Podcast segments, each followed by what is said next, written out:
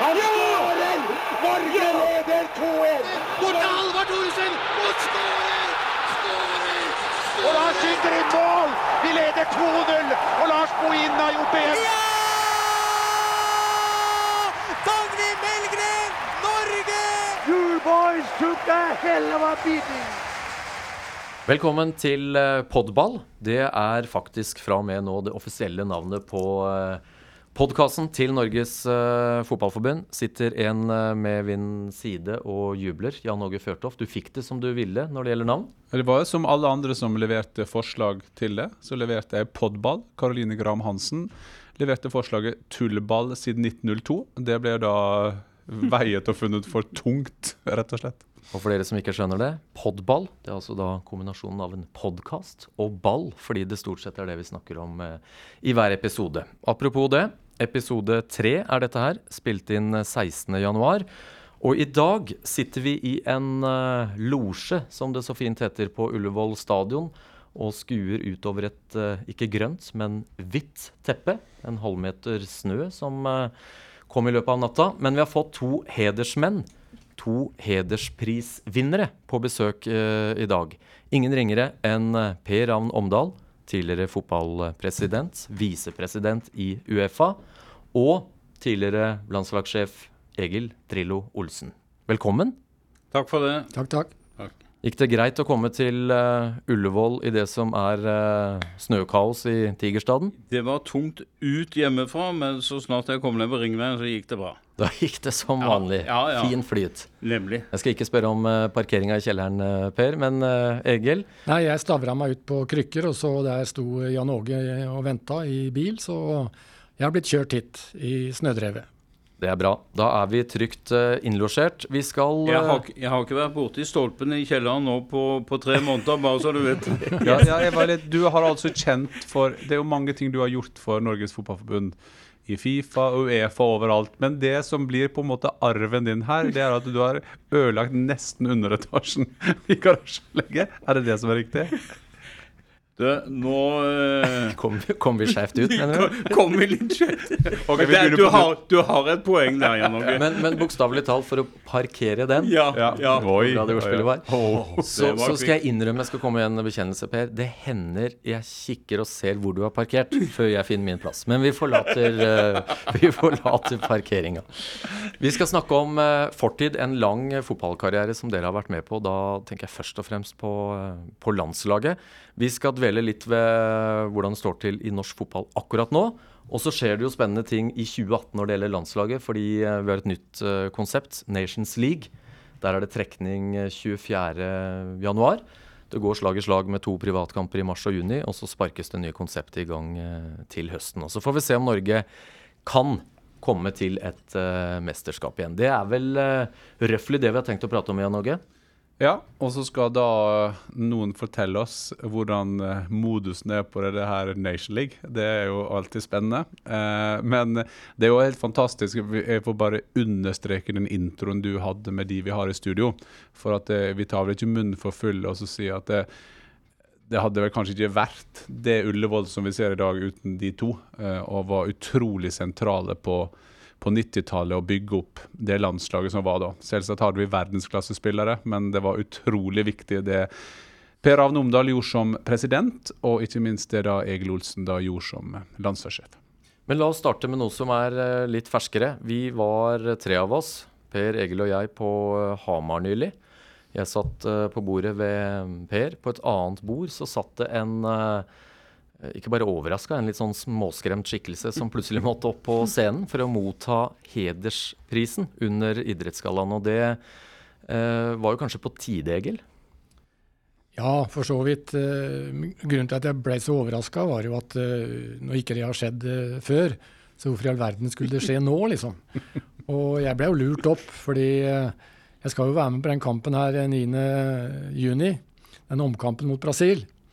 Og, og, det er jo sånn kommersielt opplegg som jeg til og med tjener litt penger på. Dermed følte jeg meg litt forplikta til at jeg måtte stille der oppe for å promotere den der kampen litt. Så, så, du var på jobb, du? Jeg var på jobb sammen med da Tor André Flo og, og, og Reka naturligvis, og Frode Grodås. Og det verste av alt vet du, var at disse gutta visste om dette her, alle sammen. Pluss Siggen. Pluss kjerringa mi. Det er det aller verste. Ja. Ja, og visste det, hun òg. Visste du noe, Per? Hadde ikke peiling.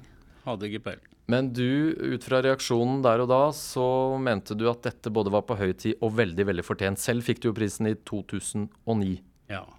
Ja, jeg, jeg syns jo det var veldig fortjent. Og jeg koser meg spesielt eh, når Olsen kommenterte dette etterpå og syntes det var høyst fortjent. Og da tenkte jeg tilbake på pressekonferansen som var her i 1990. Når jeg som leder i forbundet skulle presentere den nye landslagstreneren og ønsket velkommen. Og så starta den nye treneren Drillo med å, med å si ja, jeg vil gjerne begynne med å gratulere forbundsstyret med valget. Så han, Han satte tonen. ja, han satte tonen. og God tro på seg sjøl, det har han alltid hatt, men så har han jammen meg vært flink òg. Jeg måtte jo gjøre FA-cupen, så jeg fikk ikke vært der oppe, så jeg så Ja. det på TV. Og så så jeg Egil komme opp med sitt shocking Og så klarte han da, på det lille sekundet han pratet, med å si at det var for sent, fortjent og for dårlig program. Så det klarte han alltid løfte og choose. Så, så det var ikke tvil om at det var Drillo som fikk prisen. Nei, men tenk bare på det at han var der. Han har jo vært en av kritikerne til hele gallaen og alt mulig, så jammen må du ha Du må ha hatt noe i underbevisstheten, Egil, om at det skulle det, skje noe. det fikk du jo spørsmål om etterpå, Ja, jeg Egil. har jo kritisert litt. da, for jeg, de, de, Hun som skulle ha vært der og fått en pris, er jo dattera mi. Hun er verdensmester. Hun er ikke interessant der oppe. Det er mye annet rart som er interessant. Så eh, det har jeg sånn litt fleipete kritisert av den gallaen for. Men jeg har aldri hatt så veldig sånn sans for noe. Jeg har ikke noen sånne sterke følelser heller. Men eh, og når jeg først fikk den prisen, så syns jeg for så vidt at det var eh, litt stas og litt ålreit. selv om jeg er sånn litt ambivalent til hele opplegget. Men det er bare en kommentar til det han gjøken ved siden av meg her prøver å si. Og nå prater han om Per Ravn. Ja, Det er ravn, ikke gjøk. Per Gjøk Omdal. Da er vi godt inn i fugleverdenen her. Ja. ja, men at jeg gratulerte Fotballforbundet med ansettelsen av meg, det var litt som en anerkjennelse av liksom kunnskap. For det er ikke alltid trenere blir ansatt pga. at de sitter inne med fotballkunnskap. Og jeg tilhører jo da den gruppa som eh, hevder veldig klart at det viktigste for en fotballtrener er kunnskap. Det er ikke det eneste som er viktig, men det er viktigst. Så kommer da pedagogiske egenskaper og flaks som nummer to og tre. Hvis vi sporer tida tilbake til nemlig den ansettelsen og det som ble en uh, fantastisk uh, periode for uh, norsk fotball og, og landslaget. Akademikerne var jo ikke akkurat i flertall den gang, Per. Hva var det du så i Egil som gjorde at eh, han var rett mann? Det går litt tilbake i tid. Som styremedlem i, på slutten av 70-tallet så fikk jeg ansvar for ungdomslandslaget, og der var Egil trener. Jan Åge var med som spiller Ja, eh, ja, noen ganger. Og da kom jeg veldig tett innpå han som trener og landslagstrener og hele greia. Eh, og blei etter hvert eh, mektig imponert over det jeg så. Det var liksom, for det første, alt var forankra i en voldsom kunnskap uh, om spillet, og det var en klar strategi på hvordan spillet skulle foregå.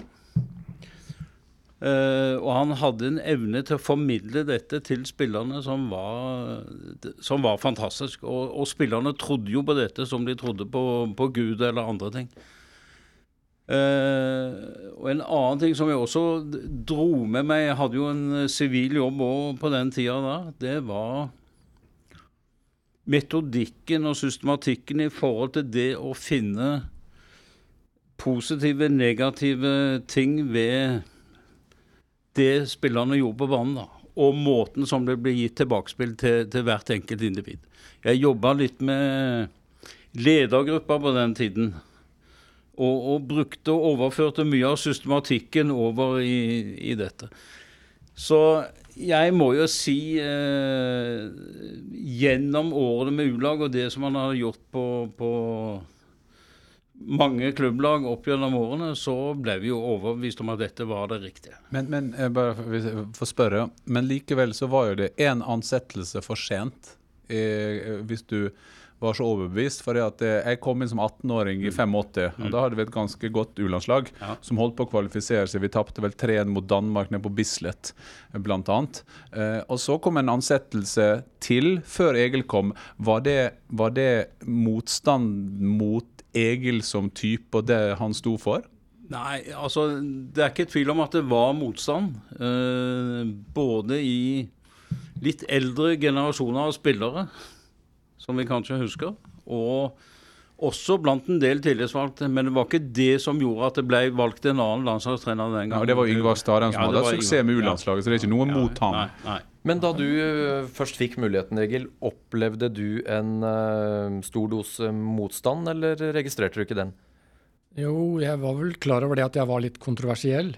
Det, det, det var jeg. Men eh, så starta det jo veldig bra. Jeg starta med tre seier, og så liksom, i, Da har du fått en flying start.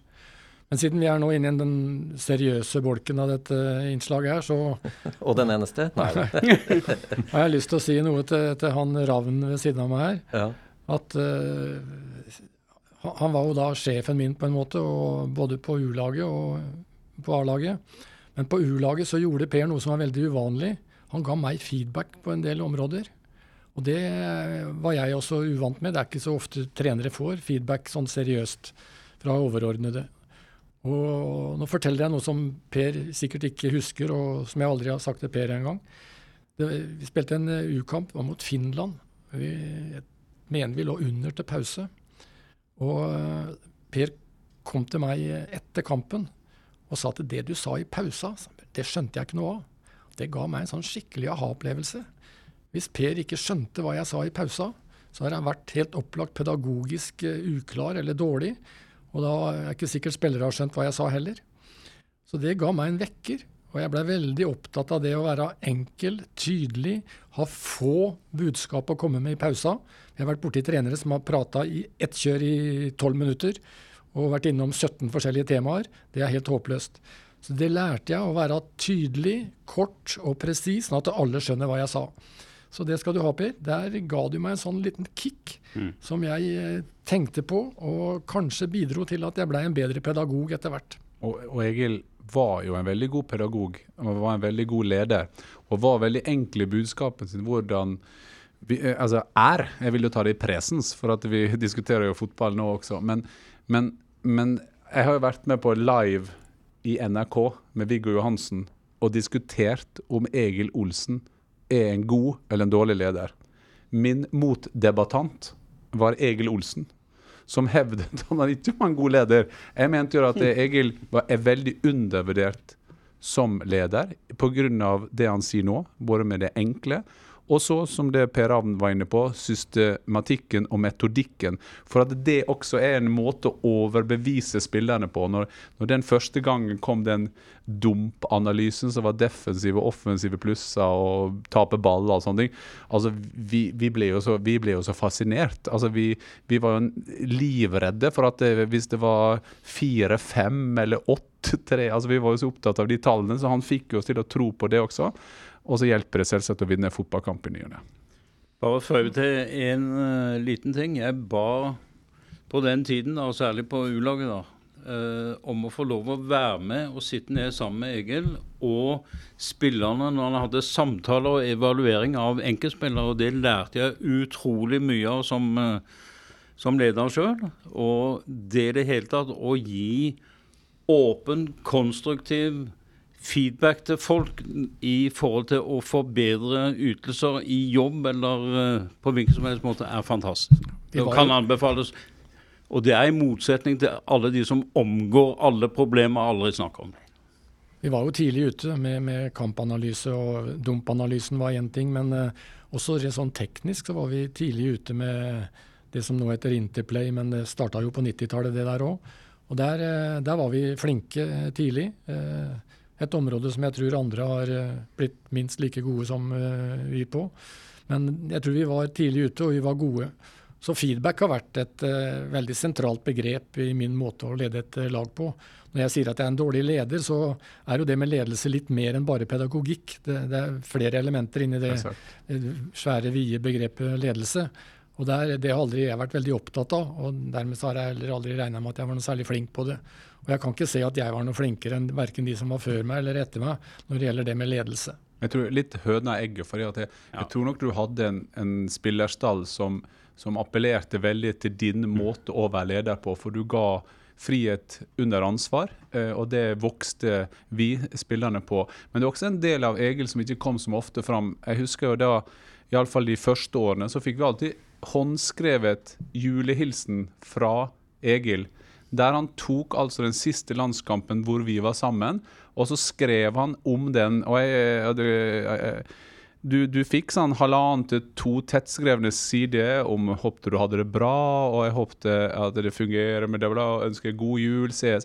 Og, og, sånne ting skal ikke undervurderes. Altså, jeg sitter nå som 51-åring og får gåsehud fortsatt og tenker på at jeg har de brevene liggende fortsatt. Og det er en del av Egil Olsen som kanskje ikke ofte kommer fram i media. Men for å holde litt på det med lederstilen og, og pedagogikken. Jeg har jo vært så heldig å få oppleve deg på spillemøter eh, som medieansvarlig på landslaget. Og, og sammenligna med andre i samme rolle. Og det som du sier med få enkle, tydelige budskap. Og så husker jeg en ting spesielt. Det var kanskje på siste spillemøte før kampene at du gjerne hadde en kort, liten appell, nærmest beskjed, til hver enkelt spiller i alles påhør, hvor du gikk runden til de elleve som skulle starte kampen.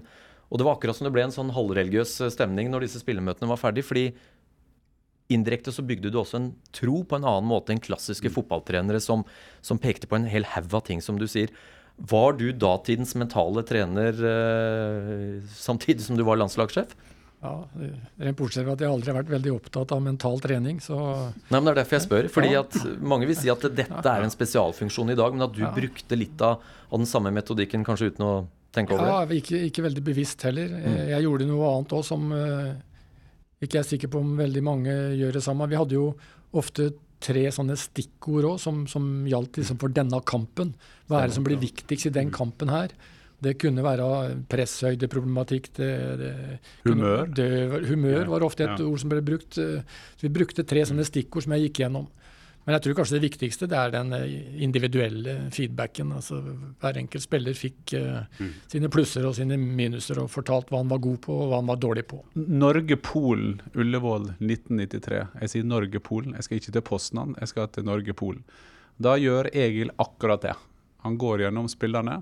Så sier han, når han kom til meg, for jeg konkurrerte jo alltid om enten så spilte jeg eller Gøran Sørloth, så sa han du spiller Jan Åge, men det kunne vært likevel vært motsatt. Gøran kunne ha spilt. Men det var jo måten han gjorde det på. Så kom han, når han var ferdig med laget, så gjorde han noe som jeg, han hadde aldri gjort før. Han ser på reservekeeperen, Frode Grodås, og så sier han vet du hva, jeg har en følelse av at du, Frode, kommer til å bli helt avgjørende i dag. Vi litt mer etablerte spillerne vi så på hverandre og tenkte nå har Egil fått det slaget som vi hadde følt at det var på gang i flere kamper. Eh, at nå hadde det klikka fullstendig foran. Så skal vi opp på Ullevål. Kampen begynner. 20-25 minutter. Så blir Erik Torstvedt utvist for første gang i sin sikre karriere og i landslagskarriere. Han må da sette inn på Frode Grodås, som er banens desidert beste spiller, og redde oss, og vi vinner 1-0, som gir oss da matchballen i Poznan. Uh, og hvis ikke du bygger tro og selvtillit på en leder da, da er du uh, ikke veldig religiøs, i hvert fall. Og så la du aldri skjul på ambisjoner hva som var mulig utad heller, altså i, i media. Noen, noen, ville jo kanskje mistenke deg for å, å, spille en rolle, men du var strengt tatt deg sjøl, eller?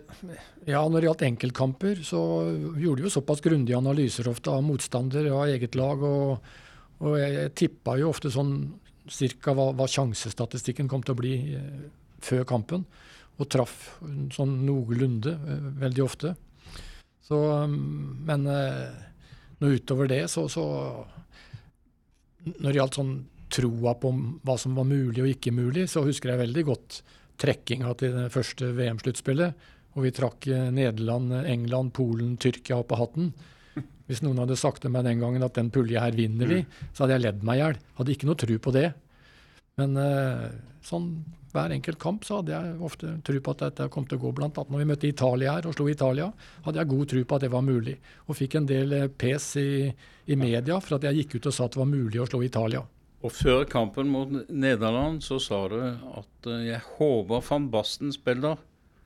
For det bedrer mulighetene for Norge. Ja. Og en rimelig grei fotballspiller. Ja, ikke sant? Mm. Og, og, så kommer faktum i kampen nå, og det er jo at van Basten blir tatt av banen uh, for å spille for dårlig.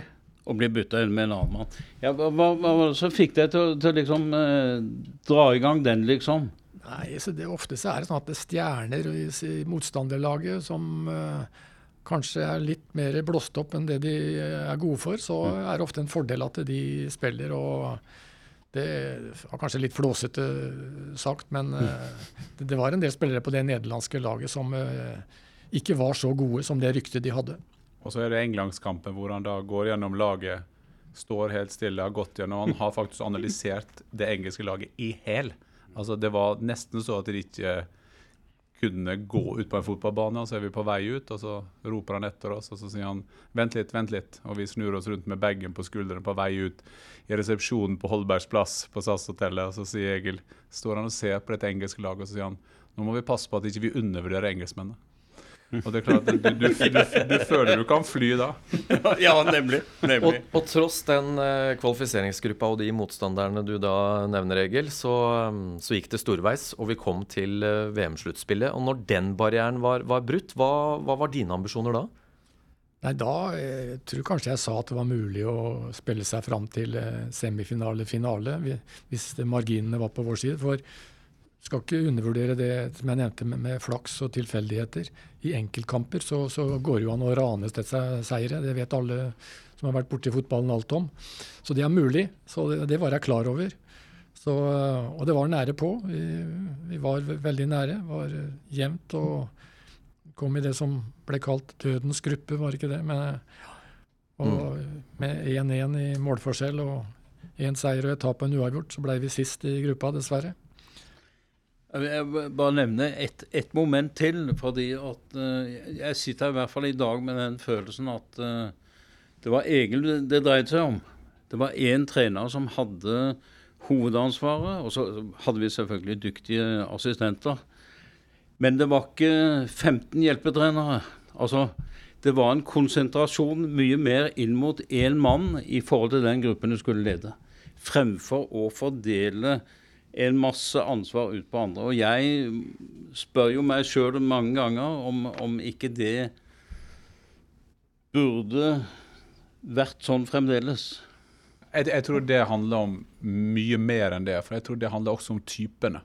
Hvilken type trener. Altså, du kan ha En Jørgen Klopp kan være veldig veldig tydelig, selv om han har flere. Selv om jeg skjønner hva du, du sier, Per. Det som jeg husker for den perioden der. Litt en undervurdert mann som nå er på vei inn i fotballstyret, og han Lars Nøkland. Var en viktig assistent for Egil. For, han, for han, var den som eh, Nei, men altså, jeg, jeg mener at det, det, det var da, Vi vokste jo opp med å ha en trener og en assistenttrener. Det var ja. jo ikke noe mer. Nei. Ikke sant? Og, nei, og, det var tydelig. Det som jeg vil bare si, det som jeg syns er litt trist, synes jeg, når vi tenker på USA-VM og vi hadde jo helt fantastisk. Eh, og det var sånn det vi, vi, var ikke superproffe i forberedelsene våre til å komme opp. Og det har ingenting med Egil å gjøre. Er det nå Ikke med sekker heller? Nei, ikke Nei. med vi skulle, da, vi skulle da finne opp selvsagt hjulet på nytt. Og det var jo ingen som dro for mye på turer og hørte hvordan f.eks. Tyskland gjorde det. Uh, og sånne ting. Men dette har jeg diskutert veldig mye med mine gamle kompiser, og det tar liksom 1% av vår tid. For at dette var en helt fantastisk tid. Og jeg tror at det en ting som var den gangen Dette er også litt med høna og egget. Det var en hel norsk nasjon som sto bak landslaget. Altså Det var blanda kor som skifta øvelse for at de skulle få med seg landskampen. Mm. Og, og, Det er jo derfor vi har et landslag. Hvis ikke folk er med et landslag, da er jo ikke det et landslag. Så vi må jo representere hele Norge, og der tror jeg Egil også var nøkkelen. For det, Egil er en sånn klassisk type så når du plutselig liker Egil, da liker alle han, for da ser jo alle at eh, når han sier at eh, han kunne ha gjort Brasil til et bedre lag, da tenker jo alle nordmenn ja, selvsagt kunne han det. Ikke sant? Og så ble det jo eh, VM i 98 òg, Frankrike. Og, den, det øyeblikket som kanskje de fleste landslagsinteresserte trekker frem, nemlig Brasil-kampen og, og, det øyeblikket med den straffen, er det noe du setter øverst i din i dine landslagsminner, eller er det andre ting som uh, du biter deg vel så mye merke i? Ikke like tydelig, men uh, før jeg svarer på det, så en liten uh, replikk til det der med å ha mange trenere rundt seg med et trenerteam. På 90-tallet spilte vi en treningskamp mot, mot Qatar i, i Doha.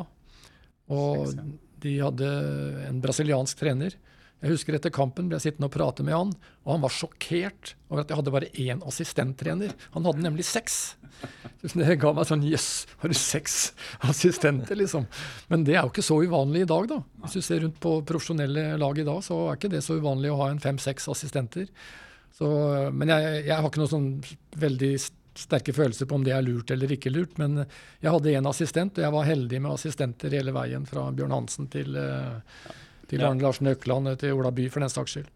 Nå var jeg i Vålerenga under Martin Andresen, og de første ukene i min jobb der så, så, brukte jeg tida på å prøve å lære meg hva hver og en i det støtteapparatet skulle gjøre. Og jeg tror også de ulike trenerressursene brukte tida på det samme. Det, det var et Sam, eksempel på at eh, Big Sam Allardyce kom til Everton, og han hadde angivelig med seg Hold dere fast 25 mann.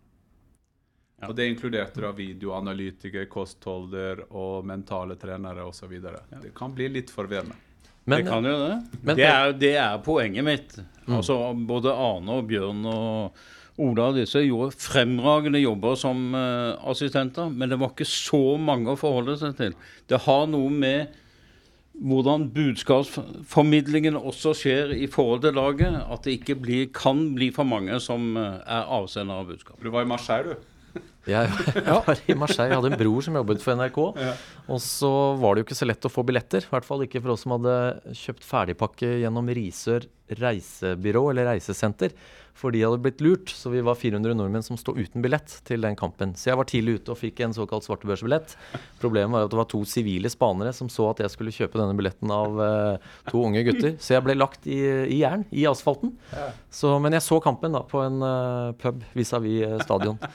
Og fikk i bryllupet mitt se et klipp med meg selv på svensk TV, der jeg setter denne prestasjonen i sammenheng. Jeg snakker om Sonja Hennie og Vebjørn Rodal, og så snakker jeg om, om Norge-Brasil. og en lite fin uh, uttalelse om, om, svensk idrett. Den, den, kom i bryllupet noen år etterpå.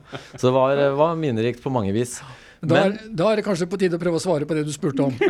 ja. ja for, for, du var der, Egil. Ja, til, til lytterne da, bare si at uh, eh, podkast er litt løs i, i formen. Ja, Vær så god, Egil. Nei, for Du spurte om liksom, det er det største. Det, Brasil 2-1, Reka, straffespark og alt det der. Og det er klart, jeg husker jo det, jeg òg.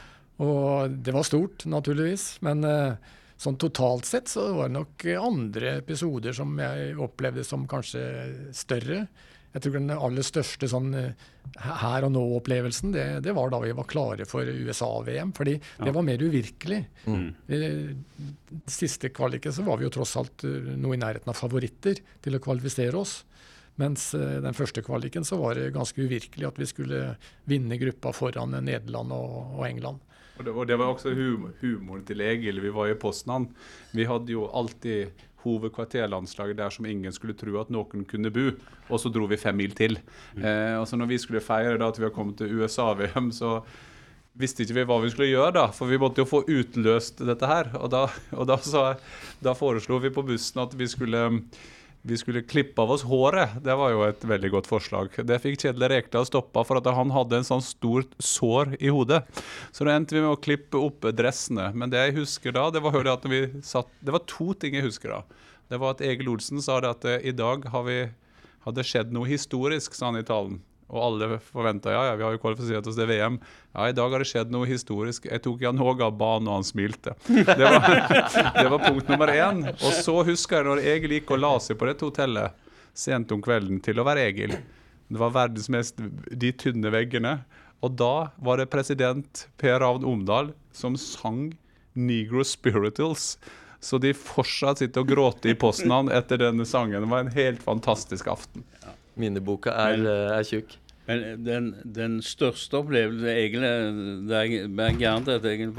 Største opplevelsen Egil har eh, hatt med landslaget, det er den gangen hvor jeg Jeg husker ikke hvor det var, men jeg hadde i hvert fall glemt slips hjemme. Og den triumfen som Olsen kunne feire da, ved at han kunne låne meg et slips. Han har gått med slips to ganger i hele sitt liv, men da hadde han et tilgjengelig som jeg kunne, kunne låne. Man må jo huske på at det plagget jeg har desidert flest av, det er slips. Jeg tror jeg har et slips fra samtlige nasjoner, europeiske i hvert fall, fotballnasjoner. For det er det du ofte får i gave. I hvert fall gjorde du det i gamle dager. Ja. Så slips har jeg bøttevis av. Ja, det er godt.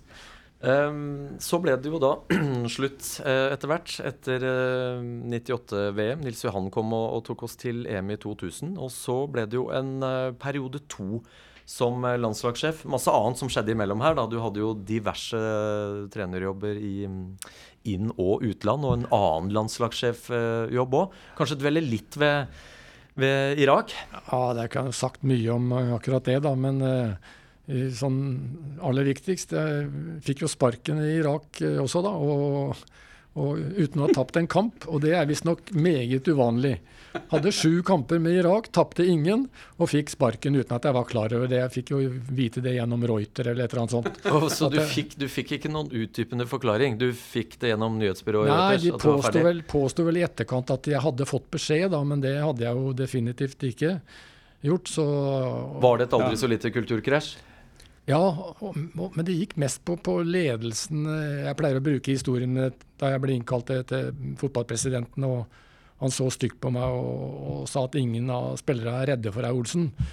Og jeg liksom svarte da ja, skal de være det? Liksom, ja, de er redde for meg, og de skal være redde for deg.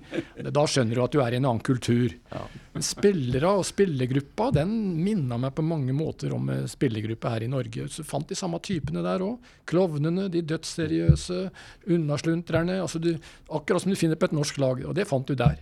Ja. Så det, var- Men ikke glem at den irakiske fotballpresidenten, han er antagelig den største spilleren som Irak har hatt gjennom tidene. det stemmer. Ja. Men han tilhørte en annen kultur allikevel. Nemlig. Nei, du får eh, lære deg å bli mer autoritær Men- men- hvis det blir et comeback på dine Men, eldre dager, Egil. men jeg har lyst til å si at uh, den gangen så uh, ble det, det ble noe sånn uh, kluss sånn rent kommunikasjonsmessig. Så Hans Finstad og jeg fra forbundet reiste ned og møtte Egil og presidenten. Og satte i gang et prosjekt nede i Irak, og det prosjektet lever ennå. bare Så det er sagt. Så noe godt kom det ut av det, Egil. Ja da. Ingen tap, og et prosjekt som fortsatt lever. Nemlig. Men så ble det jo en eh, periode to for eh, Norge, og som du vel sa på Hamar til mange journalister etter du fikk hedersprisen, at mange har jo glemt resultatene og, og det du presterte i den perioden. Veldig mange husker selvfølgelig 94 og 98. Ja da, eh, Den siste perioden min er bare sånn eh, hårfint dårligere sånn eh, resultatmessig enn den første perioden. Ja, veldig lite. Og de aller beste, den beste perioden var de to første åra, i 9 og 10. Og de, da var vi 7-0-2 og 6-2-2 mot ganske sterke motstandere. Altså starta vel borte mot Tyskland i, i comebacket. ja, igjen en heldig åpning, naturligvis. Der kommer flaksen inn i bildet litt igjen. Så det å få en bra start er, er viktig. Og å slå Tyskland borte. Og vi husker på sesongen før, eh, under Åge i 2008. Da hadde vi ikke vunnet en eneste kamp. Da hadde vi fire tap og fire uavgjorte. Så som jeg starta heldig, gunstig. Det er alltid gunstig å ta over et lag som eh, har gjort det dårlig. For da går det stort sett bare én vei. Så startet vi der, og så gikk det bare bedre og bedre etter hvert eh, de to første åra. Så ble vi vel etter hvert dårligste toer og ble ikke kvalifisert til det. Den gangen det var 16 lag som kvalifiserte seg, og det har jo vært veldig lenge, så har vel Norge lagt rundt der, sånn i prestasjon i Europa i mange, mange år, sånn rundt 15., 16., 17., 18. plass. Og så hadde vi litt marginer imot noen år og havna liksom på 17. og 18. plass og ble ikke kvalifisert. Og så blir det jo da etter hvert en eh, debatt om eh, spillestil og en litt sånn tullete norsk debatt hvor man kanskje helt glemmer resultater og hva som var gode virkemidler. At man Det skal være enten-eller. Man, eh, man skal ikke spille det folk døpte som Drillo-fotball. Nei, det er en veldig upresis eh, greie, men uh, ingen er i tvil om at jeg er tilhenger av en sånn ganske framoverretta måte å spille angrep på, og et uh, ganske solid og helhjerta soneforsvar uten markering. Og det, det er prinsipper som eh, store deler av fotballverdenen i dag eh, deler. Selv om det er eh, delte meninger om hvor framoverretta du skal være. Og her ser vi store variasjoner. både nasjoner imellom, men ikke minst også innad de, de forskjellige nasjonene. Så den debatten kommer til å fortsette. Jeg syns jeg ser en tendens. Jeg ser veldig mye fotball. Ser mye engelsk fotball, ser mye spansk fotball. Og jeg syns jeg har sett en tendens de siste to, tre, fire åra på en eh, retning i større grad av gjennombruddshissighet. At det går litt fortere framover. Den ekstreme possession-orienterte stilen til Barcelona som de ble berømte for for veldig mange år siden, den er litt på vei ut. Ja, Norge, ble folk en, en smule historieløse når de skulle ha noe nytt? Jeg tror det er, Ofte så er det sånn at det, det er sånn, det er sånn pendelargumentering. Altså Hvis at du er der oppe, du har en ekstrem tydelig spillestil som den såkalte Drillo-stilen var. Eh, og så skal det legges til at de beste kampene vi spilte ut på banen her, så var det det beste av det beste med hurtige overganger. Det var spillere som, som jobba for hverandre osv. Så, videre. så kom vi nok en periode i norsk fotball at det, det var veldig viktig å, å, på en måte vrake dette her. Og da gikk vi helt motsatt igjen. Eh, og når jeg og Egil satt i bilen ned der, så sa jeg til Egil at det, den enkle setninga hadde jo bare vært og så sagt at nå tar vi det beste fra Drillo-stilen.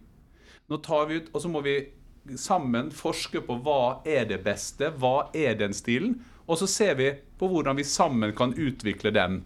Det var enkle to setninger som jeg tror kunne ha skapt ja, om ikke bedre resultat, så i hvert fall et bedre klima for bedre resultat og bedre spillerutvikling i norsk fotball.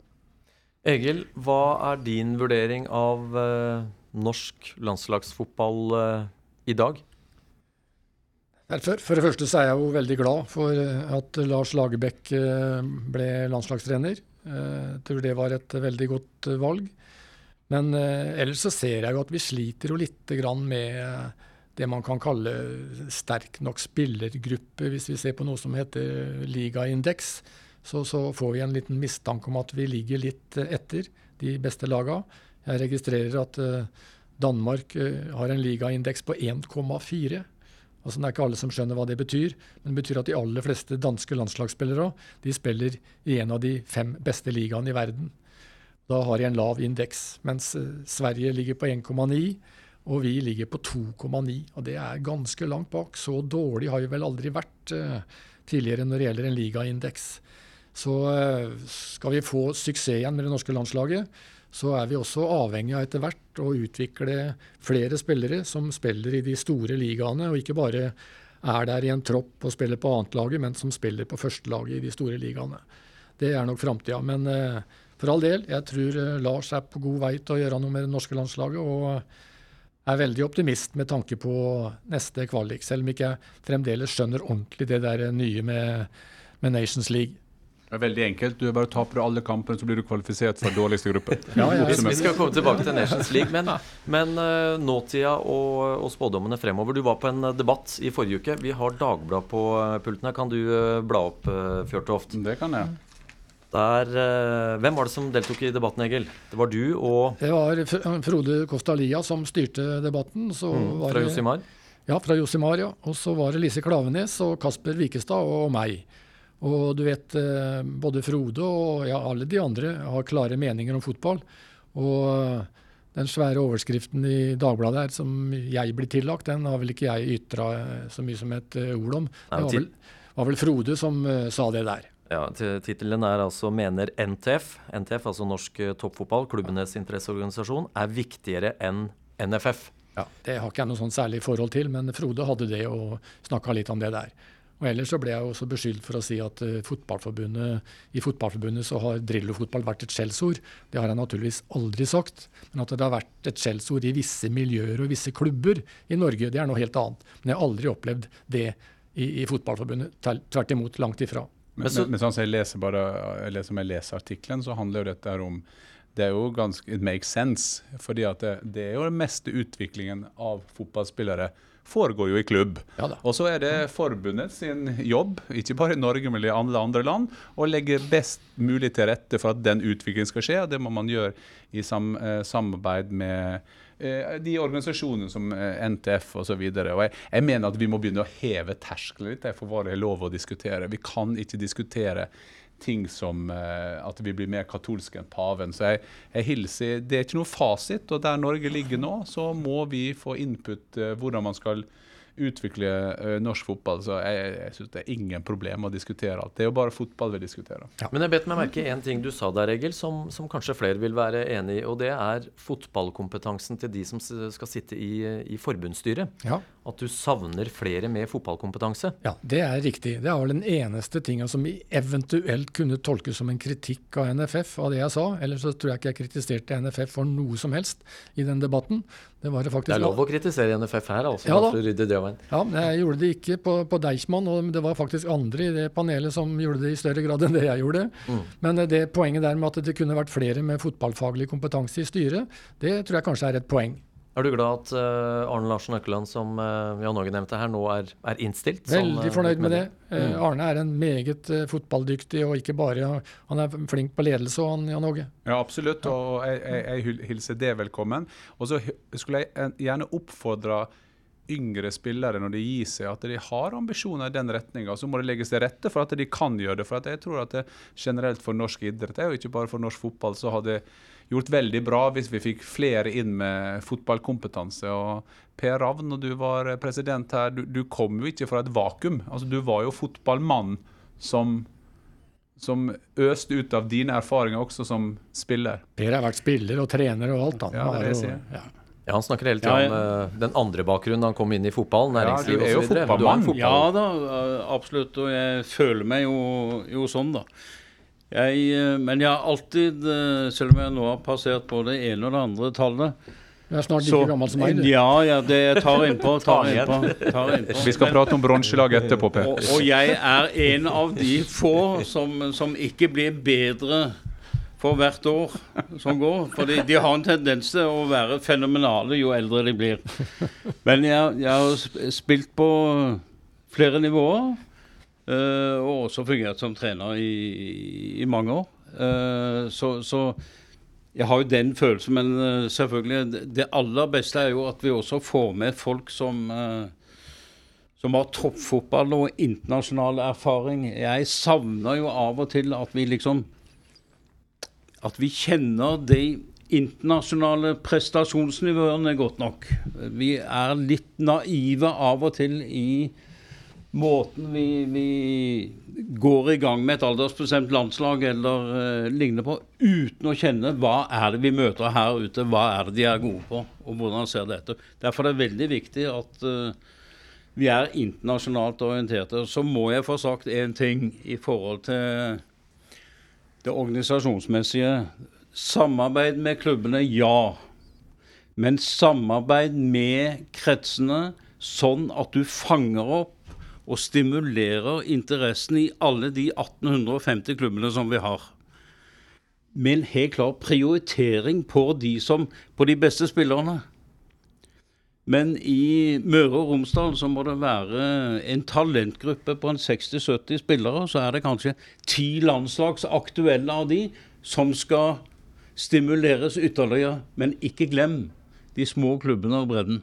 Ja, og det, og det, bare for å skyte inn til det, da, at i den perioden på 90-tallet spesielt, så hadde jo Gursken, der jeg kom fra, mange flere landslagsspillere enn Oslo i en lang periode. Det var jo nesten ikke spillere fra, fra, Oslo. Og så er jeg tror det er et nøkkelord til det Per sier der, referanser. Altså, Hvor henter vi oss referansene? Ja. Så lenge vi lever, så kommer et norsk lag til å vinne den øverste ligaen i Norge. Vi må ut. Det kan ikke bare dra til La Manga og spille mot hverandre og tro at fotballen har utvikla seg fordi at Lillestrøm slår Stabæk 2-1. Da må vi møte internasjonal motstand. Vi må lære av de beste i verden. Og av og til så er fotballdebatten i Norge bestående av folk som ikke engang har pass.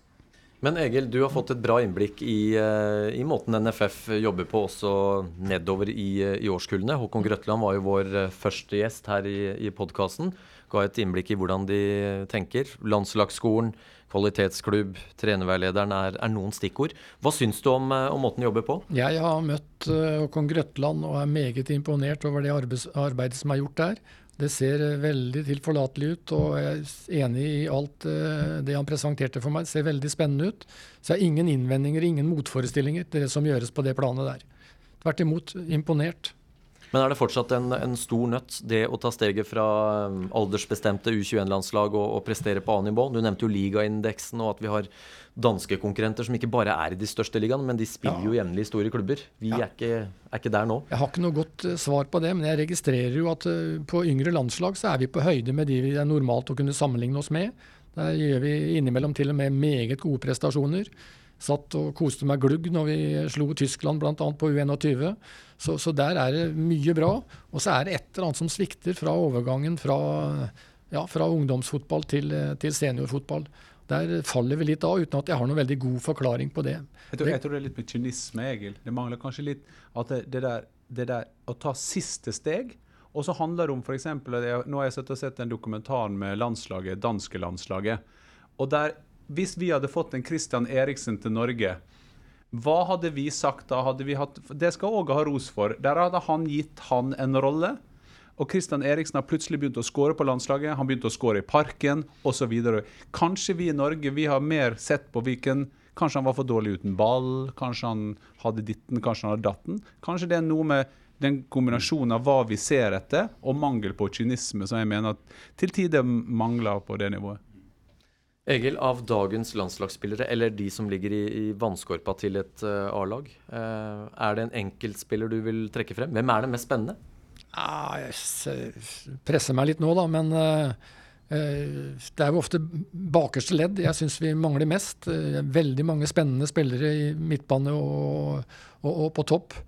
Men jeg tror jeg er litt overraska over kanskje at ikke Ayer har fått tidligere debut på, på et eh, A-landslag. og eh, han ser jeg som en type som kan erstatte f.eks. det en Rune Bratseth var i sin tid, som en eh, Brede Hangeland har vært i etterkant. Så, men det er ba, i bakerste ledd det er der jeg føler at vi trenger forsterkninger for å bli et, et landslag som i hvert fall kommer i nærheten av europatoppen. Og jeg blir ikke sjokkert om Ayer er i Norges tropp i, i mars. Jeg er ikke landslagssjef, men uh, nå spiller han regelmessig, og han gjør det i tillegg veldig veldig bra. Så ja. det kan nok hende Så har han, har han litt sånn lederegenskaper som spiller og kan bli, uh, ja, mm. kan bli en sjef utpå der. Da skal vi over til uh, Podballs store utfordring, nøtt. Nations League.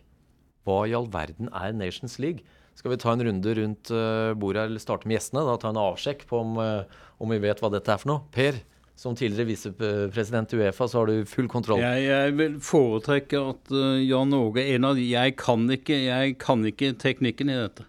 Altså, nå, Dette har ikke vi forberedt. og Det var jo ikke tull, det jeg sa. det at hvis du taper alle kampene, så kommer du på nivå fire, ja. og så kan du bli blant de beste der. Ja. Men, men, hvis vi skal si det, da, så når vi forstår, Jeg tror vi kommer til å forstå hva dette handler om. Ja. Det handler både om en kvalik og så handler det om en sånn ekstrasjanse. Litt sånn lucky losers uh, kind of thing. Eh, og så er det en måte å gjøre at alle landskamper skal telle. Ja. Og, og Det er veldig viktig. Og så ender vi opp med for de toppnasjonene i Europa at de spiller mot hverandre hele tiden. Så kanskje den eneste litt ulempen for Norge, det er at de treningskampene mot de topp topplagene kan iallfall bli vanskeligere å få inn her. Men eh, til slutt så må du vinne nok fotballkamper, men så vil de gjerne at det, eh, alle nivå i Europa skal ha en sjanse til å spille i Europamesterskapet. Og så kan man mene hva man vil om det. Egil, skal ja. vi hjelpe lytterne litt, de som ikke har fått med seg hva Nations League er? Fremdeles er det jo sånn at de fleste kvalifiserer seg igjen med en vanlig kvalik. Og så er det fire ekstraplasser som skal uh, da kvalifiseres gjennom denne Nations League. Og Der er det vel mange som sitter kanskje med en følelse at det lønner seg å være så lavt sida som mulig for å ha størst sjanse til å komme med. Og Der er, har jeg fremdeles også noen sånn litt rare spørsmålstegn, men det, det, gjør ikke noe. Vi skal ha et uh, orienteringsmøte i TV 2 om, uh, i neste uke for å bli uh, skikkelig brifa på dette her.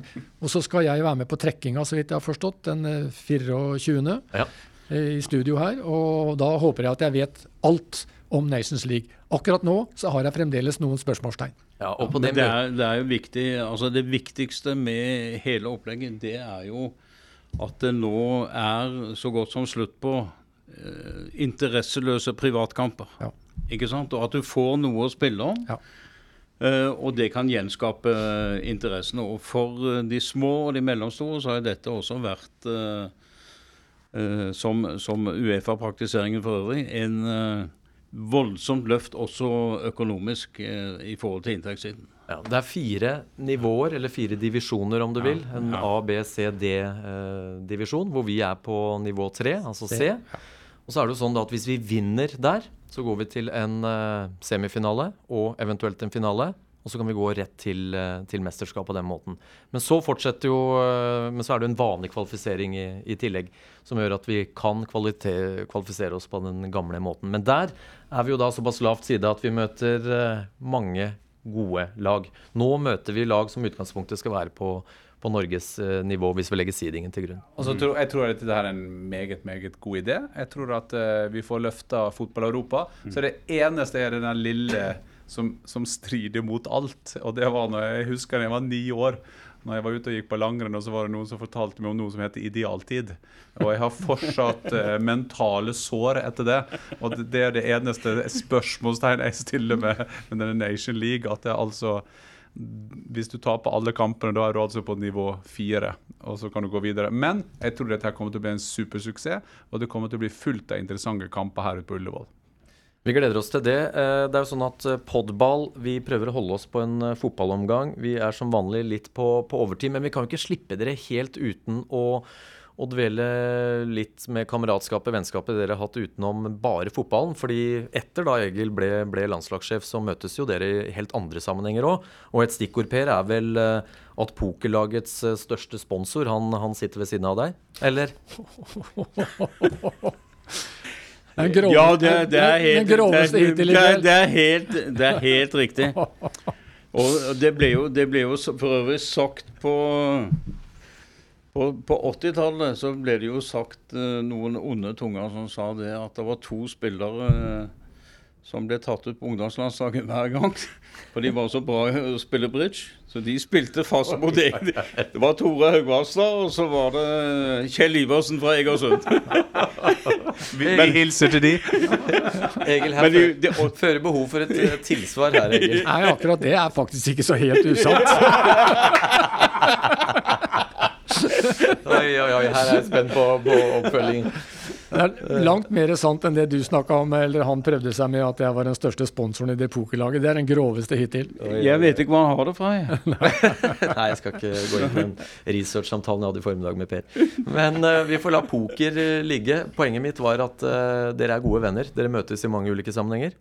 Ja da, det er absolutt. Vi har jo stor glede av å sette Arne Skeie fast uh, vi går, når vi går tur rundt uh, Sognsvann. Det har vi særdeles stor glede av. Hvis, uh, og det, dere vet jo hva Olsen kan om eh, sånne viktige ting som eh, høyden på Galdhøpiggen med og uten snø og, og lignende fra hele verden. Så eh, vi, vi, vi samler opp en god del veldig nyttig kunnskap som uh, utvikler oss både som uh, mennesker og venner. Egil, kommer det noen nye bøker innen uh, geografisjangeren? Snart? Nei, jeg er ikke noen bøker på, på gang, dessverre. Men jeg holder jo dette vel like. Og Skeie og jeg vi farter jo litt rundt og holder quiz-aftener. Da snakker jeg litt om Jeg har spørsmål om geografi og han om fotball. Og det har vært ganske vellykka. Vi har vært i Molde, Kristiansund, Tromsø, Larvik, eh, Ålesund. Så ja da. Så, så går vi rundt Sognsvann, med Skeie og Per og jeg, da, og, og skravler om gamle dager. Og så er det lunsj hjemme hos meg etterpå. Og den lunsjen vil ikke Per være med på hvis ikke Siggen er hjemme, for hun lager ordentlig mat. Hvis det, er- hvis det er noen som. Hvis det er noen som opp, opplever smørbrødene til Olsen, så skjønner jeg hva jeg sier. Ja, hva, hva, jeg hva er de utstyrt med? Ja, nei, er det det som er de er ikke utstyrt. Nei. Men Siggen, Siggen er nummer én, altså. Jeg har jo brødkniv og brød, da. Ja, det er bra. Og pålegg. Og så er det jo sånn, Egil, du nevnte TV 2. Du øh, jobber jo for øh, de, det har vi sett og hørt. Men så har du ikke helt forlatt trenergjerningen i den forstand at du er en, hva skal vi kalle det, en slags instruktør? Du har vært øh, flittig øh, Er det i Valhall? Du har hatt et Ja da, ja da, vi har holdt på i et par år. Så mm. med Uh, unge spillere da, fra 13 til 17. Så Tom Nordli og en som heter Steffen og, og jeg, Mm. som styrer dette her. Og det har funka ålreit. Det er spennende. Så jeg syns det er litt gøy da, å holde på med instruksjon med, med yngre spillere. Lærer i soneforsvar bl.a. Så det tror jeg er viktig. Og vi lærer i å spille framoverretta fotball. Offensiv framoverretta fotball. Jeg syns det er helt utrolig at eh, når man ser, Apropos vi har vært inne på det med støtteapparat som Per var. At ikke flere trenere benytter seg av de kunnskapene som, som ligger der. Eh, Jeg kan bare si at Hvis jeg blir trener, så er det første jeg hadde ringt til, det var Egil å få lære de det med forsvar og måten å tenke framover. Øvelser som gjorde at f.eks. Uh, når ballen gikk bakover, så skulle den framover på første touch. Og så er det ikke alltid det skal skje i kamp, men det gjør noe med innstillinga di til spillet. Ja, vi coacher jo bare på valg da, eh, det, på det akademiet. Bare på, ikke så mye på individuelle ferdigheter, for det regner jeg med de gjør nok av i klubba. Så vi coacher på, på valg, valg hele veien.